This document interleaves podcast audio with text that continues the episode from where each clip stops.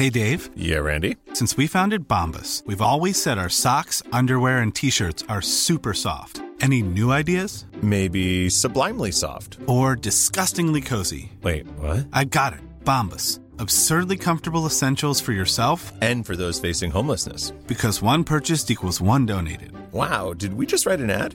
Yes. Bombas. Big comfort for everyone. Go to bombas.com slash ACAST and use code ACAST for 20% off your first purchase. You should celebrate yourself every day, but some days you should celebrate with jewelry. Whether you want to commemorate an unforgettable moment or just bring some added sparkle to your collection, Blue Nile can offer you expert guidance and a wide assortment of jewelry of the highest quality at the best price. Go to BlueNile.com today and experience the ease and convenience of shopping Blue Nile, the original online jeweler since 1999. That's BlueNile.com. BlueNile.com. Quality sleep is essential. That's why the Sleep Number Smart Bed is designed for your ever evolving sleep needs. Need a bed that's firmer or softer on either side? Helps you sleep at a comfortable temperature? Sleep Number Smart Beds let you individualize your comfort so you sleep better together. JD Power ranks Sleep Number number 1 in customer satisfaction with mattresses purchased in-store. And now, save 50% on the Sleep Number limited edition Smart Bed for a limited time. For JD Power 2023 award information, visit jdpower.com/awards. Only at a Sleep Number store or sleepnumber.com.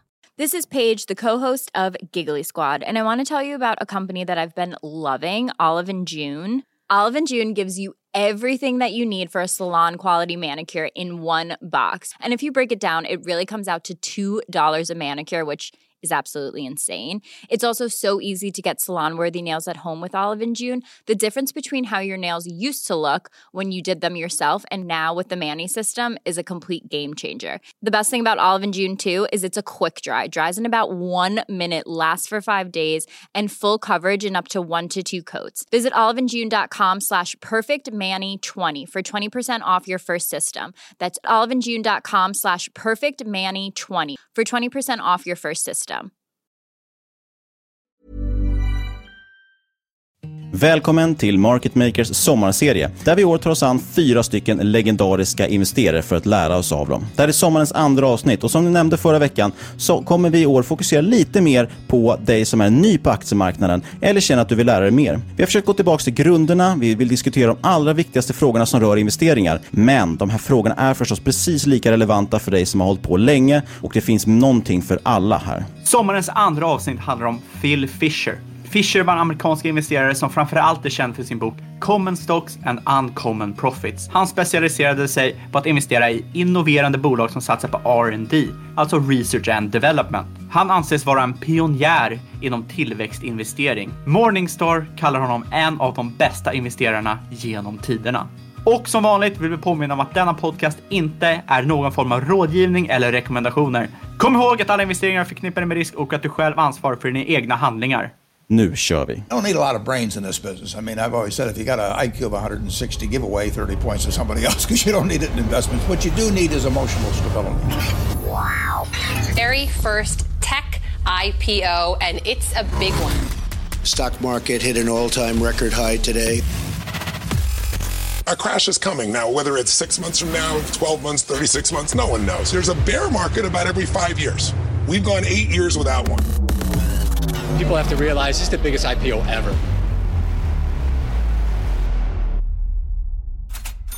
Det absolut första investerare hör är köp billigt, sälj dyrt. Och det här är något som de flesta har i huvudet resten av sitt liv. Och enligt Fisher är det här helt fel. Det här slutar troligtvis med att du antingen köper skräp eller om du väl köper ett bra bolag så säljer du när du är 30% plus.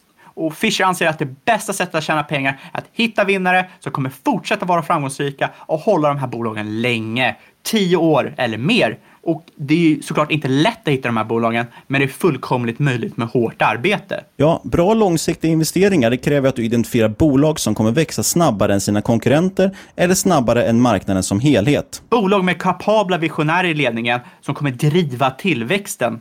Det här kommer du aldrig hitta genom att analysera statistik eller nyckeltal. Istället säger Fischer att du ska använda scuttlebutt, det vill säga information som du får genom att prata med konkurrenter och leverantörer och kunder.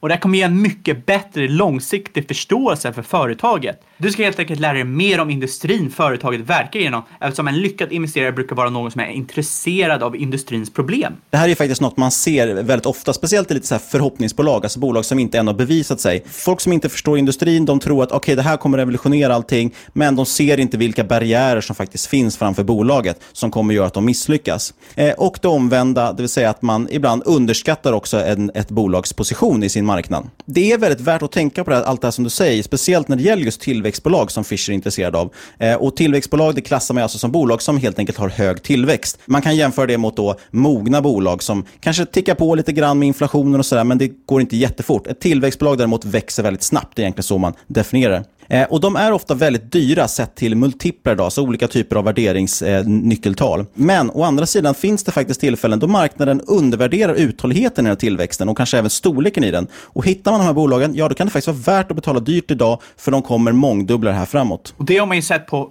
flertalet aktier i eh, historien. Inte minst för att nämna till exempel Amazon eller Google som har växt otroligt starkt genom åren och fortsätter växa väldigt starkt. Och har alltid sett dyrt ut på om man tittar på nyckeltalen just precis nu. Fisher, han har 15 punkter han anser att du ska leta efter för en lyckad investering och de här 15 punkterna tänkte vi gå igenom idag. Nummer ett. Har bolaget produkter eller tjänster med marknadspotential så att bolaget kan växa försäljningen de kommande året? För att ett bolag ska kunna ha en period med spektakulär tillväxt så kräver det att det verkar på en stor och växande marknad. Och när vi pratar tillväxt så menar vi framförallt omsättningstillväxt, det vill säga att bolaget ökar sin försäljning över tid. Att de kan sälja sin produkt eller tjänst till allt fler kunder på en större marknad. Och här är ett typiskt exempel just det här med digitalisering. Vi har haft många bolag, vi kan ta till exempel Kambi eller Evolution Gaming, eh, som har tagit olika delar inom kasino till exempel, som varit väldigt fysiskt innan och de flyttar upp det online och gör det digitalt. Eh, och inte nog med att de själva då har varit duktiga på att växa sina, liksom, sina antalet kunder och öka omsättningen, så växer även marknaden. Det blir större, det är fler som legaliserar och så vidare och då tjänar de mer pengar. Eh, vi kommer nämna fler exempel här i podden och det kan vara så bara så att ni vet att vi ibland har intresse i bolagen och vi säger dem inte för att nämna dem som exempel på en bra investering värdering utan exempel på någon som historiskt har uppvisat den här typen av kvaliteter. I alla fall, poängen är att ett bolag som verkar på en marknad som växer bör, om allt annat lika som man så fint säger, kunna växa minst i takt med marknaden och förhoppningsvis kanske ännu mer om de dessutom har bra produkter. Punkt nummer två. Kan bolagets management se över utvecklandet av innoverande produkter framöver? Det innebär att bolaget kommer växa till en tillväxtpotential när deras nuvarande produkt är mättad på marknaden. Det vill säga att deras produkt har nått en så hög penetrationsgrad hos kunderna att tillväxt naturligt saktar ner eftersom mängden potentiella nya kunder är lägre än tidigare. Alla marknader når en mättnadsnivå till slut och för att bolaget ska kunna hålla en tillväxt över snittet i årtionden så kräver det att bolaget kontinuerligt utvecklar nya produkter för att antingen expandera i nuvarande marknader eller för att gå in i nya marknader. Ja, och tar man bort helt det här med konkurrens, för det gör ju att det blir ytterligare avancerat. Men om vi bara tittar på att man har en produkt som alla vill ha, ja, då kan man ta en typisk mättad marknad på sätt och vis. Ja, det är väl matindustrin. Jag menar, ICA kan sälja till så många människor finns i Sverige, där finns liksom toppen. Sen efter det kan man max växa med inflationen och ökade, ökad befolkningsmängd.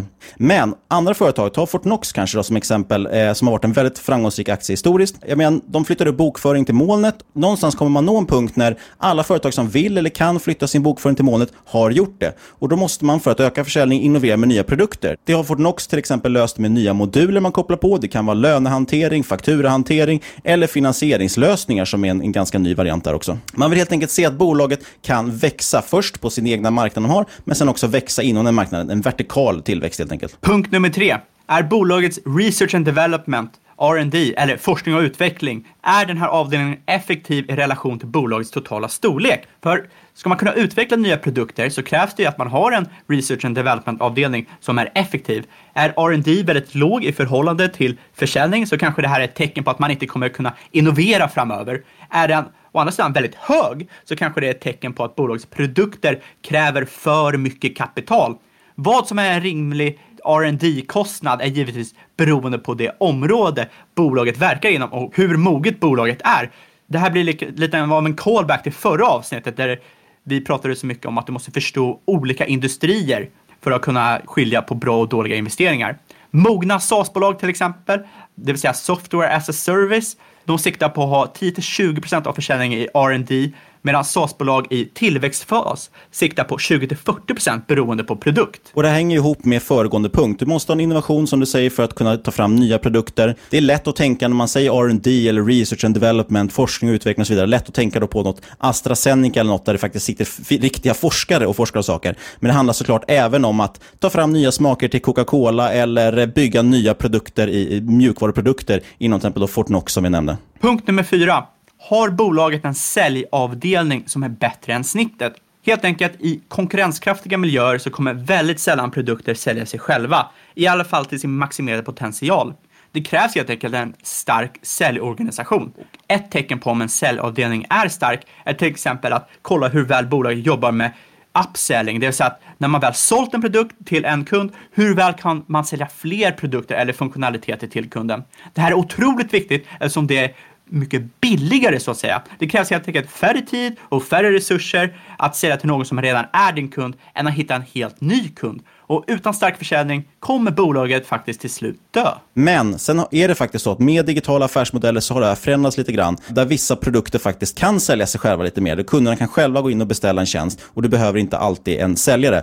Men det är fortfarande en form av säljavdelning och marknadsavdelning så det här är fortfarande en viktig punkt. Punkt nummer fem har bolaget en vinstmarginal som är värd din tid. Efter att du dragit av kostnader för att producera och leverera produkten, R&D, försäljningen, administration och andra saker som skatt och ränta, ja då får du ut vinsten. Bolag som har hög vinstmarginal, det vill säga vinst i jämförelse med den totala försäljningen, tenderar att avkasta mer till investerare. Det här är så otroligt viktigt att hålla koll på. Det här är givetvis inte alltid sant. Vi har sett de senaste tio åren att ren tillväxt i växande bolag har värderats mycket högre på börsen än vinst. Och det här är på grund av att investerare anser att om man låter pengar jobba i bolagen för att växa bolaget så kommer den framtida vinsten och avkastningen bli exponentiellt högre än om bolagen delat ut vinsten idag. Men i slutändan vill alla bolag generera vinst till aktieägarna. Även om ett bolag visar stark tillväxt så måste det i slutändan kunna resultera i en högre vinst. Och Det här är så centralt, speciellt i de här tiderna då kapital i princip är gratis på grund av centralbankernas slappa penningpolitik. Men det är ett annat avsnitt.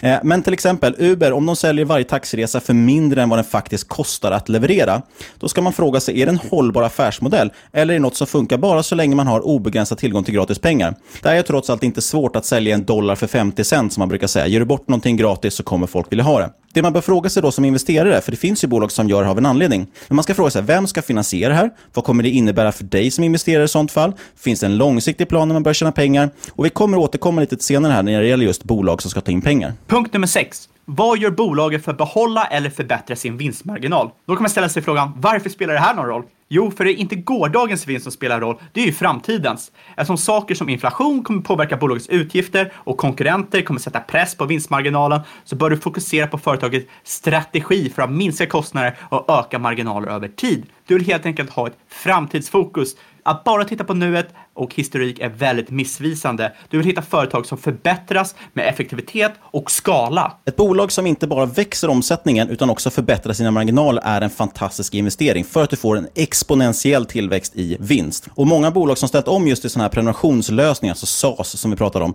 har sett just det. Och Vi kan ta Microsoft som ett oerhört framgångsrikt exempel som verkligen lyckats i att ställa om till en prenumerationsmodell där de har högre marginaler. Och dessutom så köper kunderna, de sköter liksom köpen ofta väldigt mycket själva man också partnernätverk som säljer åt dem. Allt det här gör att Microsofts intjäning ökar med mängden sålda produkter. Det skalar alltså uppåt. Så för varje omsättningsökning så ökar också marginalen. Och det här blir ju då, effekten på vinsten blir ju enorm. Och jag tror att många nybörjare faktiskt missar helt det här just med marginaler. Men det är egentligen inte så himla svårt. Om du tänker att 10% omsättningsökning på ett bolag och man bibehåller sina marginaler, ja då ger det såklart 10% i ökad vinst. Det är inte så konstigt. Men minskar marginalen när försäljningen ökar, det vill säga att ta Uber igen då, som, som går back på varje taxiresa de säljer, då kommer ju ökad försäljning innebära ökad förlust, alltså sämre marginaler. Den typen av business vill du ju inte äga, för då vill du ju att de inte ska sälja någonting. Men har du ökad försäljning och ökade marginaler, då är det just den här exponentiella tillväxten. Och Det är någonting som vi människor faktiskt är extremt dåliga på att förstå eller visualisera framför oss.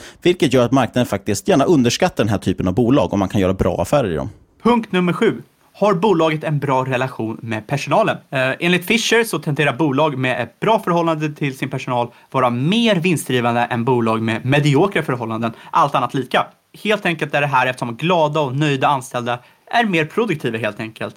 Det här är ju självklart jättesvårt att mäta, men det finns några punkter som man kan undersöka som privatinvesterare. Ett bolag som växer över snittet, även när de betalar en lön som är över snittet, har troligtvis en relativt god relation med sina anställda och dessutom tenderar bolagen att snabbt ta hand om pro problem för arbetare. Och man ska förstås inte lägga för stor vikt i så kallad anekdotisk bevisföring. Men jag menar, det, som du säger, det är väldigt svårt att mäta mjuka värden överlag. Men man kanske på något sätt ändå kan få kontakt med någon som jobbar på ett bolag eller prata åtminstone med deras IR-avdelning, alltså investeringsavdelningen. Det går ju faktiskt att mejla till de flesta bolag och fråga saker. På något sätt ändå försöka lista ut hur verkar folk i det här bolaget trivas. Eh, sen skulle inte jag personligen lägga för stor vikt vid just den här biten. Eh, man borde ändå kunna se det i siffrorna historiskt, men det är en viktig poäng. Ja, punkt 8 och punkt 9 hänger ihop med punkt 7. Punkt 8 är nämligen, har bolaget bra relation till sina chefer? Och det är lika viktigt att ha bra relation med cheferna som med resten av personalen.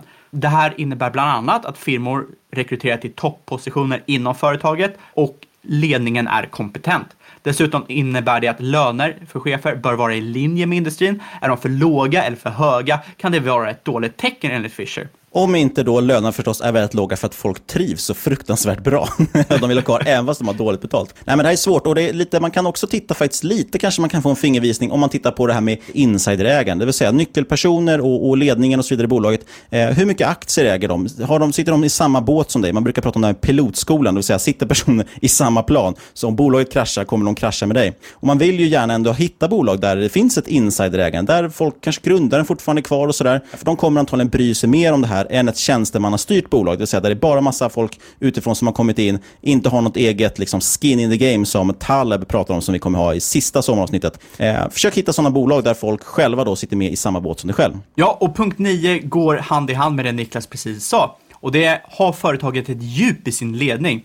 För när ett företag växer över flera årtionden så är det väldigt viktigt att talanger inom ledningen får utvecklas. Fisher varnar investerare att undvika företag där ledningen är motvilligt att adekvat delegera auktoritet till lägre rangordnade chefer. Och det här är ju självklart jättesvårt att förstå som eh, privatinvesterare. Så framförallt bör man akta sig för keyman-situationer som det kallas. Det vill säga situationer då ett företag blir allt för beroende av en enda person.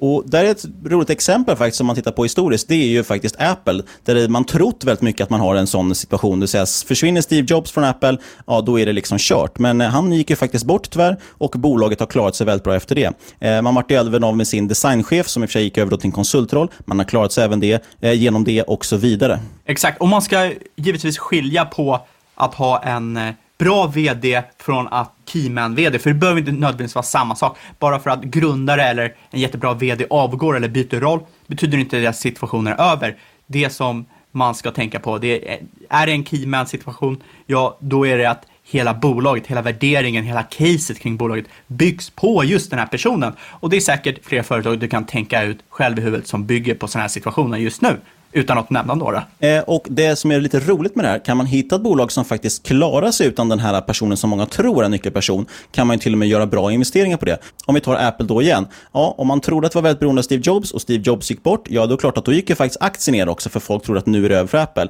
Vilket kanske då visar sig vara en, ett väldigt bra köpläge. Här har ju faktiskt också Buffett ett rätt roligt citat på det här. Han säger ju någonting i stil med att eh, jag vill investera i bolag som kan styras av idioter. Det vill säga Coca-Cola, de kommer till exempel sälja sig självt oavsett vilken vd de har. Eh, om de inte gör väldigt grava misstag som vd. Så att även en idiot skulle kanske kunna styra Coca-Cola. Punkt 10. Hur god är företagets kostnadsanalys och kontroll av bokföringen? Ett bolag kan inte leverera fantastiska långsiktiga resultat om de inte heller kan hålla koll på kostnader i varje steg av verksamheten. Det är givetvis svårt att få koll på vilka som har bra koll på sina kostnader. Det är mycket enklare att ha koll på vilka som har dålig koll på kostnaderna, för det är där kostnaderna springer iväg allt för mycket så att man förlorar vinst. Ja, och det här hänger ju då såklart ihop med det vi pratade om kring marginaler. Det är ju marginalerna som visar egentligen hur mycket kostnader man har. Som jag sa, det är väldigt enkelt att sälja en dollar för 50 cent, men då har du också väldigt eh, dålig affärsmodell.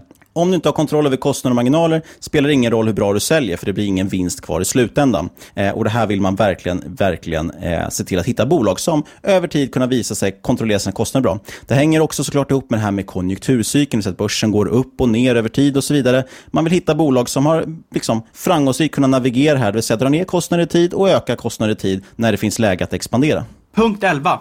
Visar bolaget fördelar jämfört med konkurrensen i industrin? Och det här kommer skilja sig extremt mycket mellan industrier. Så det finns ju ingen direkt riktlinje att gå efter. Det gäller helt enkelt att lära sig industrin, lära sig förstå bolag, få en helhetsbild. För retailers som Walmart eller Costco så kommer sättet de lagrar och säljer varor vara avgörande för verksamheten. I en industri som försäkring så kommer helt andra faktorer vara avgörande. Du kan inte kolla på hur de säljer och lagrar varor där.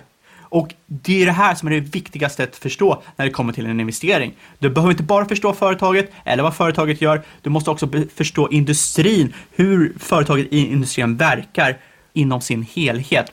Och det här är varför Charlie Munger säger att en lyckad investerare måste vara nyfiken. Precis, du ska gärna vara lika nyfiken av bolagets konkurrenter som du är i din egen investering eh, och givetvis också marknaden som helhet. Det är lite farligt här, vi kommer ofta tillbaka till det viktigaste att förstå. det är lite som Howard Marks som vi pratade om väldigt många gånger tidigare. Han har ju släppt en bok som heter The Most Important Thing. Just för att han upptäckte, han skrev alltid sina nyhetsbrev så skrev han ofta att The Most Important Thing is och så har han då sammanställt en bok med The Most Important Things. Punkt 12. Har företaget en kort eller långsiktig strategi när det kommer till vinst? Fisher säger att investerare bör ha en långsiktig strategi, därav bör de premiera bolag som också har en långsiktig strategi. Det här är ju väldigt intuitivt egentligen. Bolag som endast fokuserar på att möta Wall Streets estimat kan eventuellt avstå från långsiktigt tänkt i jakten på kortsiktiga aktiepump. Det vill säga, om du alltid siktar på att nå kortsiktigt de kortsiktiga målen, då är det ju väldigt svårt att planera långsiktiga mål. Ja, och det kanske är då man ska kika på skogsbolag. Jag för mig att det var väl Holmen som brukar lägga en hundraårsplan till exempel för hur skogen ska kunna förvaltas generationer framåt. Ett annat roligt exempel jag bara kom att tänka på det är de här klockorna, Patek Philippe, som har som slogan “You never actually own a Patek Philippe, you merely look after it for the next generation”. Och där kan man väl prata om en långsiktighet och det gäller ju ändå någonstans företag och aktier. Du vill ju inte hitta till exempel ett företag som leds av personer som bara vill maximera nästa kvartal och sina bonusar, utan du vill hitta ett bolag som förvaltas av någon som långsiktigt vill att bolaget ska överleva långt efter den personen varit vd eller vad det nu är för någonting. Och det här kanske är extra viktigt att ta till sig när man tittar på bolag som just ska noteras, alltså börsnoteras. Eh, eller om de försöker göra nyemissioner och ta in kapital eller liknande. Eh, för det är inte alls ovanligt med så kallad window dressing, det vill säga att man tillfälligt fixar till lite saker, man tejpar över läckagen i båten och så att säga. Eh, för att det ska se ut som att man har god vinst, goda marginaler eller bra tillväxt något enskilt kvartal eller två. För då kommer man kunna få ett högre pris för noteringen. Sen köper du det där dyra priset och bolaget bara går ner, ner ner ner när de här bristerna börjar visa sig och den här tejpen släpper så att säga. Punkt 13. Kommer bolaget behöva emittera aktier i närtid? Alltså att man vill sälja fler aktier till investerare. Om ja, så behöver investerare tänka på utspädning, det vill säga att dina aktier blir en mindre del av den totala mängden utstående aktier. Och eh, Fischer anser att du vill köpa bolag som kan växa genom kassa och lån snarare än emission. Och anledningen till det här är för att om bolag kräver nyemission på nyemission för att växa så kommer det ju sudda ut investerarens potentiella avkastning eftersom du blir en mindre bit av kakan. Ja, och här är ett exempel på då man får skilja på just aktie och bolag. Ett bolag kan gå väldigt, väldigt bra och visa enorm ökning av omsättning varje år. Men sker det då genom att man konstant tar in pengar via nya aktier, ja då innebär det ju att du som aktieägare till slut knappt får ta del av den här omsättningsökningen. Eh, ett exempel på det, nu ska jag inte säga att de är ett dåligt, eh, dåligt bolag, men, men Storytel till exempel är väldigt intressant att kolla på. Titta på omsättning och jämföra med omsättning per aktie, för de hela tiden gör nya nyemissioner. Sen kan det vara en bra investering ändå, och de kanske växer i absoluta tal också, eller liksom per aktie också. Eh, men det är ett exempel på ett bolag som gör mycket emissioner, men som växer på dem. Eh, och det är därför det är viktigt just att prata om det här, till exempel vinst per aktie eller omsättning per aktie. Alltså hur stor del av vinsten får du för varje aktie du äger? Det är ju det intressanta. Ökar antalet aktier då, det vill säga att du ger ut mer aktier, ja då är det fler som ska dela på kakan, så vinsten per aktie blir mindre om allt annat är lika. Men däremot om bolaget gör återköp av egna aktier, som är väldigt vanligt i USA, ja då har du faktiskt den omvända effekten, det vill säga att vinsten per aktie blir eh, större, trots att den kanske absoluta vinsten är oförändrad. Helt enkelt för att det är färre aktier nu som ska dela på den här vinsten. Sen ska det tilläggas att det finns eh, fall där emissioner till och med kan vara nästan positiva för bolaget. Gör man så kallade aggressiva eh, eh nyemissioner, det vill säga man tar in eh, liksom, pengar för att kanske förvärva något som är intressant, som man tror kommer ge väldigt mycket tillväxt framöver, ja då kan det fortfarande vara någonting intressant. Och här har vi flera exempel också på det som, som sker på börsen. Och vi pratade ju faktiskt om att det här till och med kan vara något positivt för bolagen eh, i förra årets sommarserie, där vi var mycket inne på att eh, riktigt duktiga kapitalplacerare som driver bolag, de gör gärna nyemissioner när kursen står som högst, det vill säga när de får mycket betalt för varje ny aktie de trycker. Eh, och så gör de återköp då när bolagets aktie istället är lågt värderat enligt dem. Eh, och på så sätt kan man då liksom trada i sitt eget bolag kan man säga. Ja, som sagt, ingen regel är hugget i sten när det kommer till investeringar. Det gäller att alltid försöka förstå helheten helt enkelt. Punkt 14 pratar management fritt med investerare och analytiker när saker går bra, men håller igen när bolaget står inför problem eller underprestation. För det är ju helt enkelt så att alla bolag, oavsett hur bra de är, kommer i slutändan någon gång att svika. Och investerare bör leta upp ledningar som är ärliga och framåt med sina investerare, oavsett om det går bra eller dåligt. Det här finns det ju otaliga exempel på. Vi har delvis bolag som konsekvent är alldeles för konservativa, det vill säga de är för försiktiga och säger att ah, vi ska se, vi kanske når 12% marginal och sen så överpresterar de det här hela tiden. Den typen av bolag är väldigt kul att äga förstås. Sen finns det de som också alltid överskattar liksom sin tillväxt och sin styrka framåt och den typen av bolag kanske man ska akta sig för. Eh, och ett klassiskt tips för att försöka liksom lära sig att, att avgöra det här, hur man kan lita på ledningen eller inte, ja, det är att gå tillbaka några kvartaler, kanske till och med år. Läs eh, vd-ordet till exempel i bolagets rapporter det är så noterade bolag, eh, i deras kvartalsrapporter brukar det finnas en kommentar från vd där de kommenterar det som har skett och det som blickar framåt och egentligen och ger prognoser. Eh, läs de här, titta, har de infriat det de lovar framåt eller har de inte gjort det? Där kan du avgöra om det är en ärlig ledning eller inte, alltså kan du lita på vad de säger. Eh, sen kan det vara så att det, det som de säger inte infrias, men det är fortfarande ett bra bolag. Bara det att vd kanske är lite för optimistisk till exempel. Och är du mer lagd att du gillar att lyssna på, på ljudversionen, och du som lyssnar på poddar nu till exempel, då har man faktiskt också alltid ett eh, earnings call eller conference call, alltså en liten telefonkonferens man kan lyssna in på som investerare i samband med att rapporten släpps. Eh, där kan man se hur, hur ledningen då svarar på frågor och kommenterar kvartalet som har varit. Det finns faktiskt en väldigt bra app som samlar i alla fall amerikanska bolags earnings call. Jag ser om man kan ta fram den och lägga in i avsnittsbeskrivningen. Den är faktiskt väldigt bra om man följer utländska bolag. Poängen är i alla fall att hittar man en ledning man kan lita på, eh, där man kan, faktiskt kan ta deras ord på allvar, eh, det tycker åtminstone jag är något extremt värdefullt, för det sparar väldigt mycket tid, det sparar väldigt mycket oro om man vet att man kan lita på personer man gör affärer med, för det är egentligen det du gör. Du har investerat i deras bolag som de driver, då vill du veta att de gör det ärligt och med integritet. Och det leder oss in då på sista punkten. Punkt 15. Har ledningen integritet? Otroligt viktigt. Ledningen bör uppvisa stark känsla av förvaltarskap över sina investerare. Bokföringsskandaler som ledde till till exempel Enron, eller varför inte Wirecard som är högst aktuella just nu, som från att ha varit en riktig darling i europeisk ekonomi, nu helt plötsligt visar sig att det saknas 2 miljarder euro. Eh, bolaget har ju konsekvent försökt liksom stämma och tysta ner alla som klagar på dem. Eh, operativa chefer drog iväg till Filippinerna när skandalen var ett faktum. Eh, det här är ju inte den typen av ledning man vill investera i. Tyvärr kanske man inte vet det förrän det är lite för sent. Eh, men då kommer vi återigen tillbaka till det här kanske med insiderägaren som jag sa. Sitter ledningen i samma båt som dig, ja det kan i alla fall vara ett styrketecken, men det behöver inte alltid vara det. Ja, framförallt visar det tydligt hur viktigt det är med ledning med stor integritet. Har ledningen brist på integritet eller visar brist på integritet, oavsett hur väl de uppfyller de andra punkterna, så bör en investerare aldrig investera i bolaget enligt Fischer. Och som du säger med Wirecard, det är ett tydligt exempel på varför du inte ska investera i bolag med ledning utan integritet. För att det andra behöver inte stämma bara för att de säger att det stämmer. Det går att koka siffrorna. Eller det går att ljuga om att man ska köpa ut sitt bolag från börsen för 420 dollar aktien. men vi kan då gå till Fishers anledning till att köpa och sälja. Nu har vi betat i de här 15 punkterna, men vi har lite, lite kvar vi ska gå igenom. If you're looking for plump lips that last, you need to know about Juvederm lip fillers. With Juvederm Volbella XC and Juvederm Ultra XC, your lip look, whether it's subtle or bold, can last up to one full year with optimal treatment and no additional maintenance. Find a licensed specialist and see if it's right for you at juvederm.com today. That's J U V E D E R M.com. Add fullness to lips in adults over 21 with Juvederm Volbella XC or Juvederm Ultra XC. Do not use if you have severe allergies or a history of severe allergic reactions, or if you're allergic to lidocaine or the proteins used in Juvederm. Tell your doctor if you have a history of scarring or taking medicines that decrease the body's immune response or that can prolong bleeding. Common side effects include injection site redness, swelling, pain, tenderness, firmness, lumps, bumps, bruising, discoloration, or itching. As with all fillers, there's a rare risk of unintentional injection into a blood vessel, which can cause vision abnormalities, blindness, stroke, temporary scabs, or scarring. For full important safety information, visit juvederm.com. Even when we're on a budget, we still deserve nice things.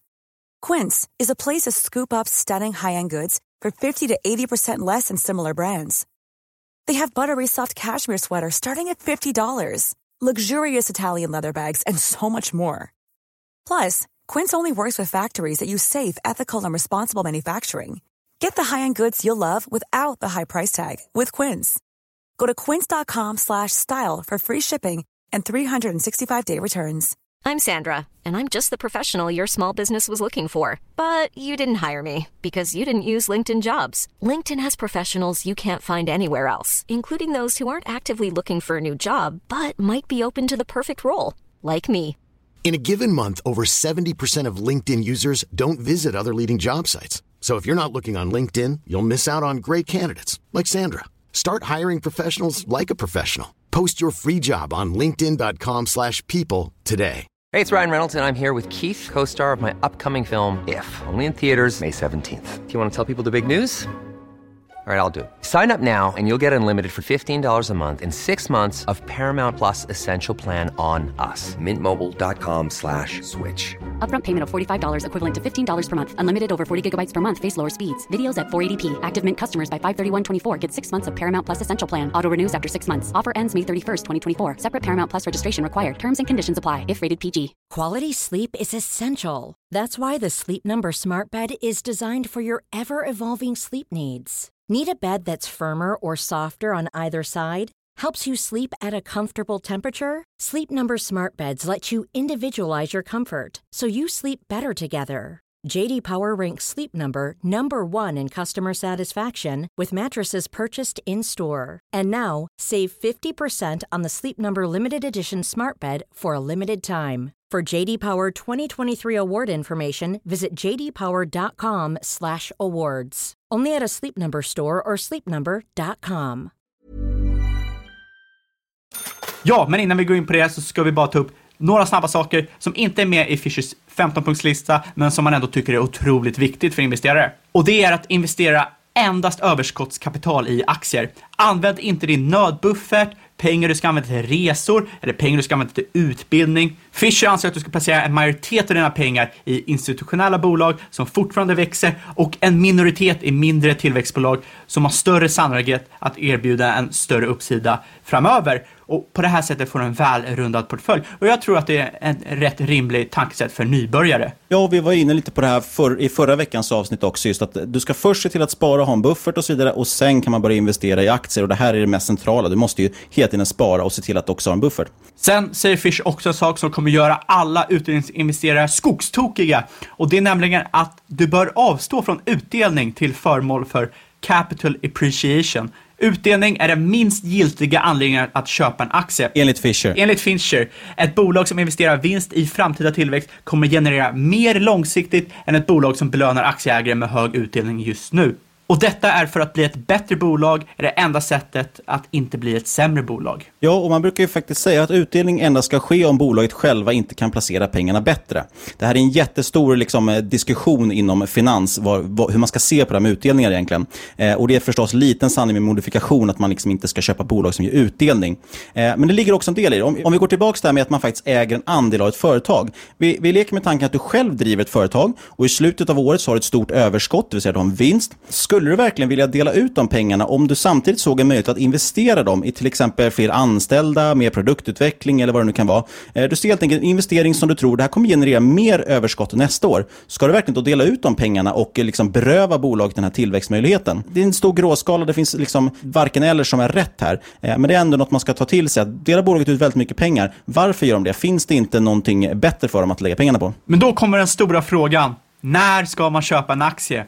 Och att bestämma när man ska köpa en aktie, det är ju lika svårt som att bestämma vilken aktie man ska köpa. Att förutsäga marknaden, det är ju, det är ju alkemi. Däremot kan man vara vaksam för tydliga köpsignaler. Och det är bland annat köpa aktier precis innan en ny produkt lanseras, och, eller att till exempel köpa över tid för att dra fördel av nedställning i marknaden. Men enligt Fisher bör man vara vaksam inför det som kallas the five powerful forces, eller de fem krafterna som påverkar aktiemarknaden. Det första är konjunkturcykeln. Precis, hela ekonomin går alltid upp och ner i vågor. Det finns bolag som drabbas mer eller mindre av det, men det kommer finnas perioder när folk är väldigt riskvilliga och affärer går väldigt bra, och perioder när det går sämre. Nummer två är rörelse i räntan. Och räntorna påverkar såklart bolag olika. Fastighetsbolag och banker och så vidare är otroligt känsliga för förändringar i räntan eh, eftersom det påverkar hela deras affärsmodell. Ja, dessutom påverkar ju värdering för aktierna på själva börsen också. Nummer tre är regeringens ställningstagande till företagande och investerande.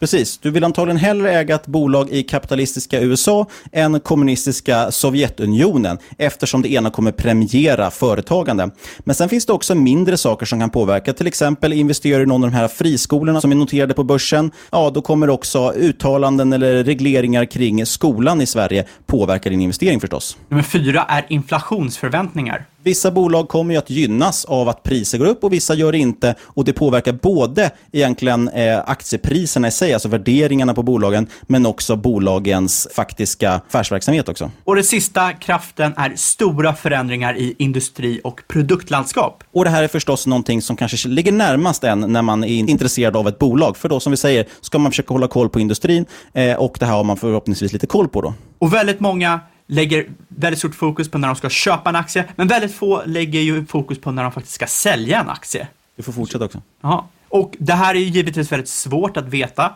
men enligt Fisher finns det tre självklara fall när man alltid bör sälja. Det första är när man begått ett misstag i sin analysprocess. Det är helt enkelt svälj din stolthet och sälj. Nummer två är när ett bolag inte längre uppfyller Fishers 15 punkter och framförallt inte längre har samma tillväxtpotential på marknaden. Och nummer tre, om ett bättre case kommer som passar investeringskriterierna ännu bättre. Och sanningen är att det här händer mycket mer sällan än du kan tro.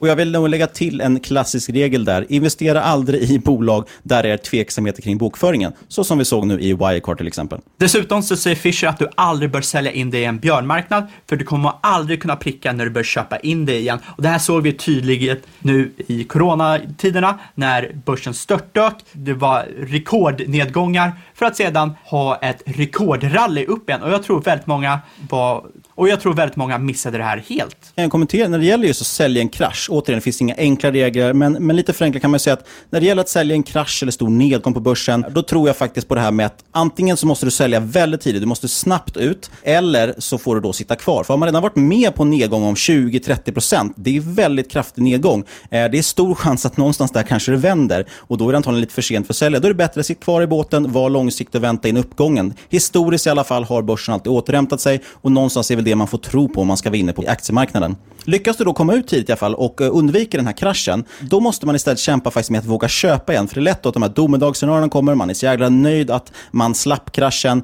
eh, och man tror att det bara ska fortsätta ner och sen köper man aldrig in igen förrän börsen har återhämtat hela kraschen och dessutom kanske gått upp till nya nivåer. Så du måste någonstans våga börja köpa och, och det sa ju till exempel vår favorit Howard Marks här när börsen var ner 30% under coronakraschen, sa att ja, vi vet inte, det kan fortsätta ner, men någonstans måste man börja köpa och då kan man kanske göra en plan då och snitta in incel, alltså sprida ut köpen lite istället för att rusa in igen. För det ser man också många som gjorde på Twitter som sålde av, var jättenöjda, sen när det var ner 10%, ja då gick de all in igen och så var de ju med på ytterligare nedgång. Det är ett jätte, jättestort komplext ämne här förstås och vi gör lite grova förenklingar. Men jag tror ändå, har man missat kraschen, då är det lika bra att sitta kvar. Har man lyckats sälja av tidigt, ja då gäller det att börja våga köpa igen också. Där måste man kämpa lite med. Ja, och på tal om rus så säger Fischer också att du bör aldrig sälja för att dina aktier har gått för bra. Om du har hittat en aktie med bra långsiktiga prospekt så kommer inte ett kortsiktigt rus i aktiekursen göra att det inte längre är en bra investering. Ja, det var säkert en hel del som var väldigt nöjda om de köpte Fortnox på kanske 10 spänn och så sålde den på 20 hade dubblat pengarna. Men idag står den i 245 kronor istället, som man borde hållit ut. Köpte du på ett bra pris, då ska du kanske inte oroa dig för mycket för eh, värderingarna just nu. Eh, det viktigaste var ju faktiskt vad du köpte för i det fallet och vad du tror kommer hända framöver. Sen kommer det såklart svänga. Det kommer finnas nivåer när aktier är övervärderade och de är undervärderade. Eh, är du långsiktig så ska du vara långsiktig också och verkligen våga vara det. Sen har ju Fischer tio saker du aldrig bör göra på aktiemarknaden. Det här är en riktig listkille, Fischer. Han gillar att göra listor med punkter, men det är också ett väldigt eh, trevligt sätt att ta till sig information. Ja, och ni som börjar bli lite trötta på punkter kan vi säga att de här tio sakerna här går väldigt snabbt att dra igenom och väldigt enkla att ta till sig. Och det är det sista. Exakt. Nummer ett, köp inte nya bolag med starka kampanjer, men som inte har ett track record med förhoppning att du ska kunna investera i nytt Amazon eller nytt Google. Det här fungerar aldrig. Var försiktig, det är det här vi kallar för förhoppningsbolag. Bolag som har en stor marknad och stor potential, men de har inte bevisat något än. Jag tycker, är man inte superinsatt eller superintresserad och superkunnig, så ska man hålla sig till bolag som har ett track record, det vill säga de har bevisat sig. Då kommer du ju ha det mycket lättare. Nummer två är att du ska inte ignorera en aktie bara för att den tradar over the counter, det vill säga att den inte är listad, alltså en onoterad aktie. Det här kanske inte är så relevant intressant för oss eh, privatinvesterare, men man skulle faktiskt kunna utöka den lite till att du ska inte tänka, du ska inte lägga för mycket vikt eh, vilken lista bolaget är, är, listat på. Det finns ju olika börslistor eh, och många föredrar såklart Stockholmsbörsen. Det finns en anledning till det. Återigen, det är fler bolag där som är bevisade. Eh, men så finns det också First North, Aktietorget och så vidare. Det är inte någon garanti för att ett bolag är bättre eller sämre vilken lista de är på, även om det såklart finns ett visst litet värde i det. Nummer tre, köp inte baserat på tonen i eh, årsrapporten. Håll dig till siffrorna och eh, framtiden snarare än fin text och berättelser. Du ska inte glömma att en årsrapport, det är lika mycket PR som det är att visa upp sina siffror. Och eh, man vill ju såklart alltid visa upp bolaget från sin bästa vinkel. Och det här kommer ju tillbaka till det vi sa med att titta på vad ledningen har sagt historiskt och vad de faktiskt har levererat. Eh, är det någon som står och blåljuger eller blåser upp saker i vd-ordet så ska man akta sig för det. Nummer fyra här, det är att eh, tro inte att en hög värdering för en aktie innebär att framtida tillväxt har diskonterats in, alltså räknats in i kursen och att det då inte finns någon uppsida kvar. Bolag som har en hög värdering idag men fortsätter att investera i sig själva kan fortsatt visa extremt hög uppsida. Och det här kommer ju tillbaka till det vi sa om omsättningstillväxt kombinerat med högre marginaler kan ge en exponentiell tillväxt och det här under underskattar ibland marknaden hur fort det kan gå. Nummer fem. Don't quibble over eights and quarters. Och Det här betyder egentligen att när du gjort din research, vet att aktien är rätt för dig, köp marknadspriset. Det vill säga, vänta inte på att aktien ska nå ett magiskt pris som kanske aldrig inträffar du kommer stå där helt snopen och undra vad hände. Jag vet att alla har stått där, alla har varit där. Det är nog väldigt många som väntat på att köpa in sig i Amazon i väntan på ett nedställ som aldrig kom. Jag vet ju själv att jag gjorde det här alldeles för länge innan jag bara valde att köpa pris, även fast det kändes jättedyrt. Och vad hände när jag väl köpte? Jo, över tid så fortsatte ju bolaget att outperforma och det blev en av mina bästa avkastare i portföljen genom tiderna. Nummer 6. Stressa inte med att diversifiera. Diversifiering innebär ju att man sprider riskerna genom att äga många olika aktier aktier för att då gör det inte lika mycket om ett eller två av de här casen är dåliga. Eh, men du ska heller inte överdriva det. Har du för många aktier i portföljen, det vill säga du är överdiversifierad, det kan faktiskt vara lika problematiskt som att inte vara tillräckligt diversifierad. Någonstans kliver du dessutom över en gräns där det kanske bara, bara vore bättre att äga en fond istället för att få exponering mot många aktier. Eh, men egentligen handlar det om att du kan omöjligen vara tillräckligt påläst kring liksom 25-30 bolag. Det, det, är väldigt svårt att hålla koll på det. Det här är något som till exempel Magnus Andersson, som vi har haft två olika intervjuer med, pratar väldigt mycket om. Han är ju extremt koncentrerad. Han har fyra bolag ungefär i sin portfölj. För han menar på att det är så många jag klarar av att läsa på om och kunna. Och då har man såklart ökat risken, men ibland kan det också vara väldigt eh, bra för avkastningen. Nummer sju, don't be afraid to buy on a war scare. Och det han i stort sett menar är att när ett hot för krig kommer så brukar marknaden krascha, men börsen studsar snabbt tillbaka när fientligheter avtar. Och Eh, det här är ju för att statliga utgifter kommer som ökar försvar, eh, inflatoriskt, aktier blir en bättre investering i cash.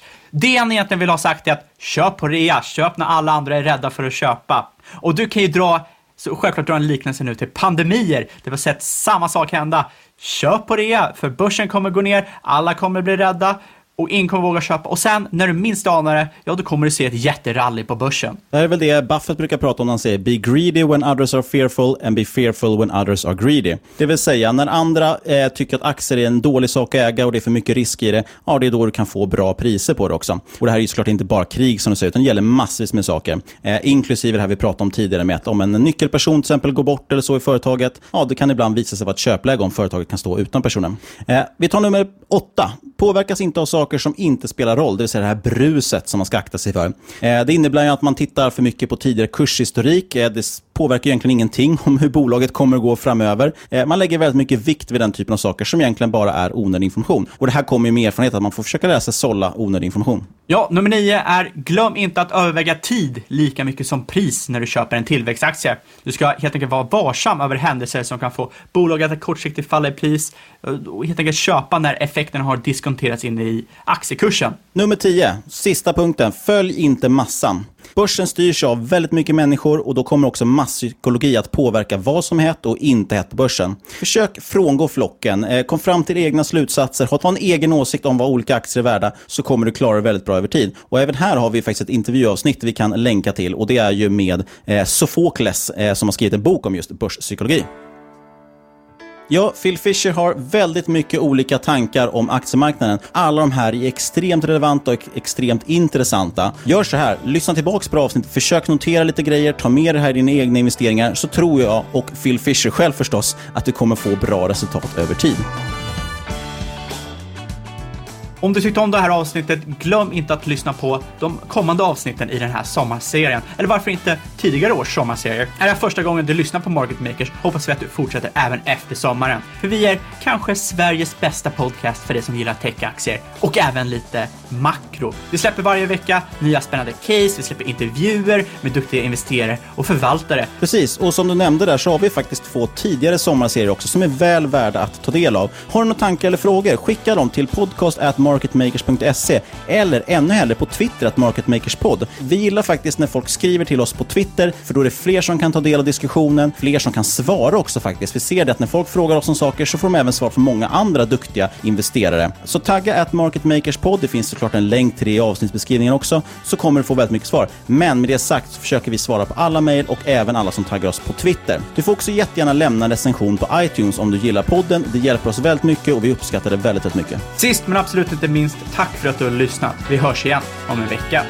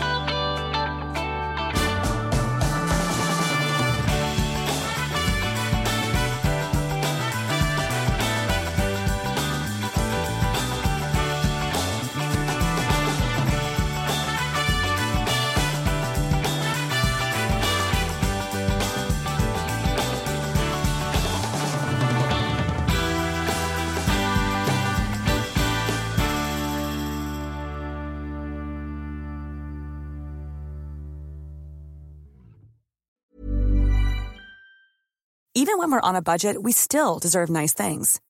Quince is a place to scoop up stunning high-end goods for 50 to 80% less than similar brands.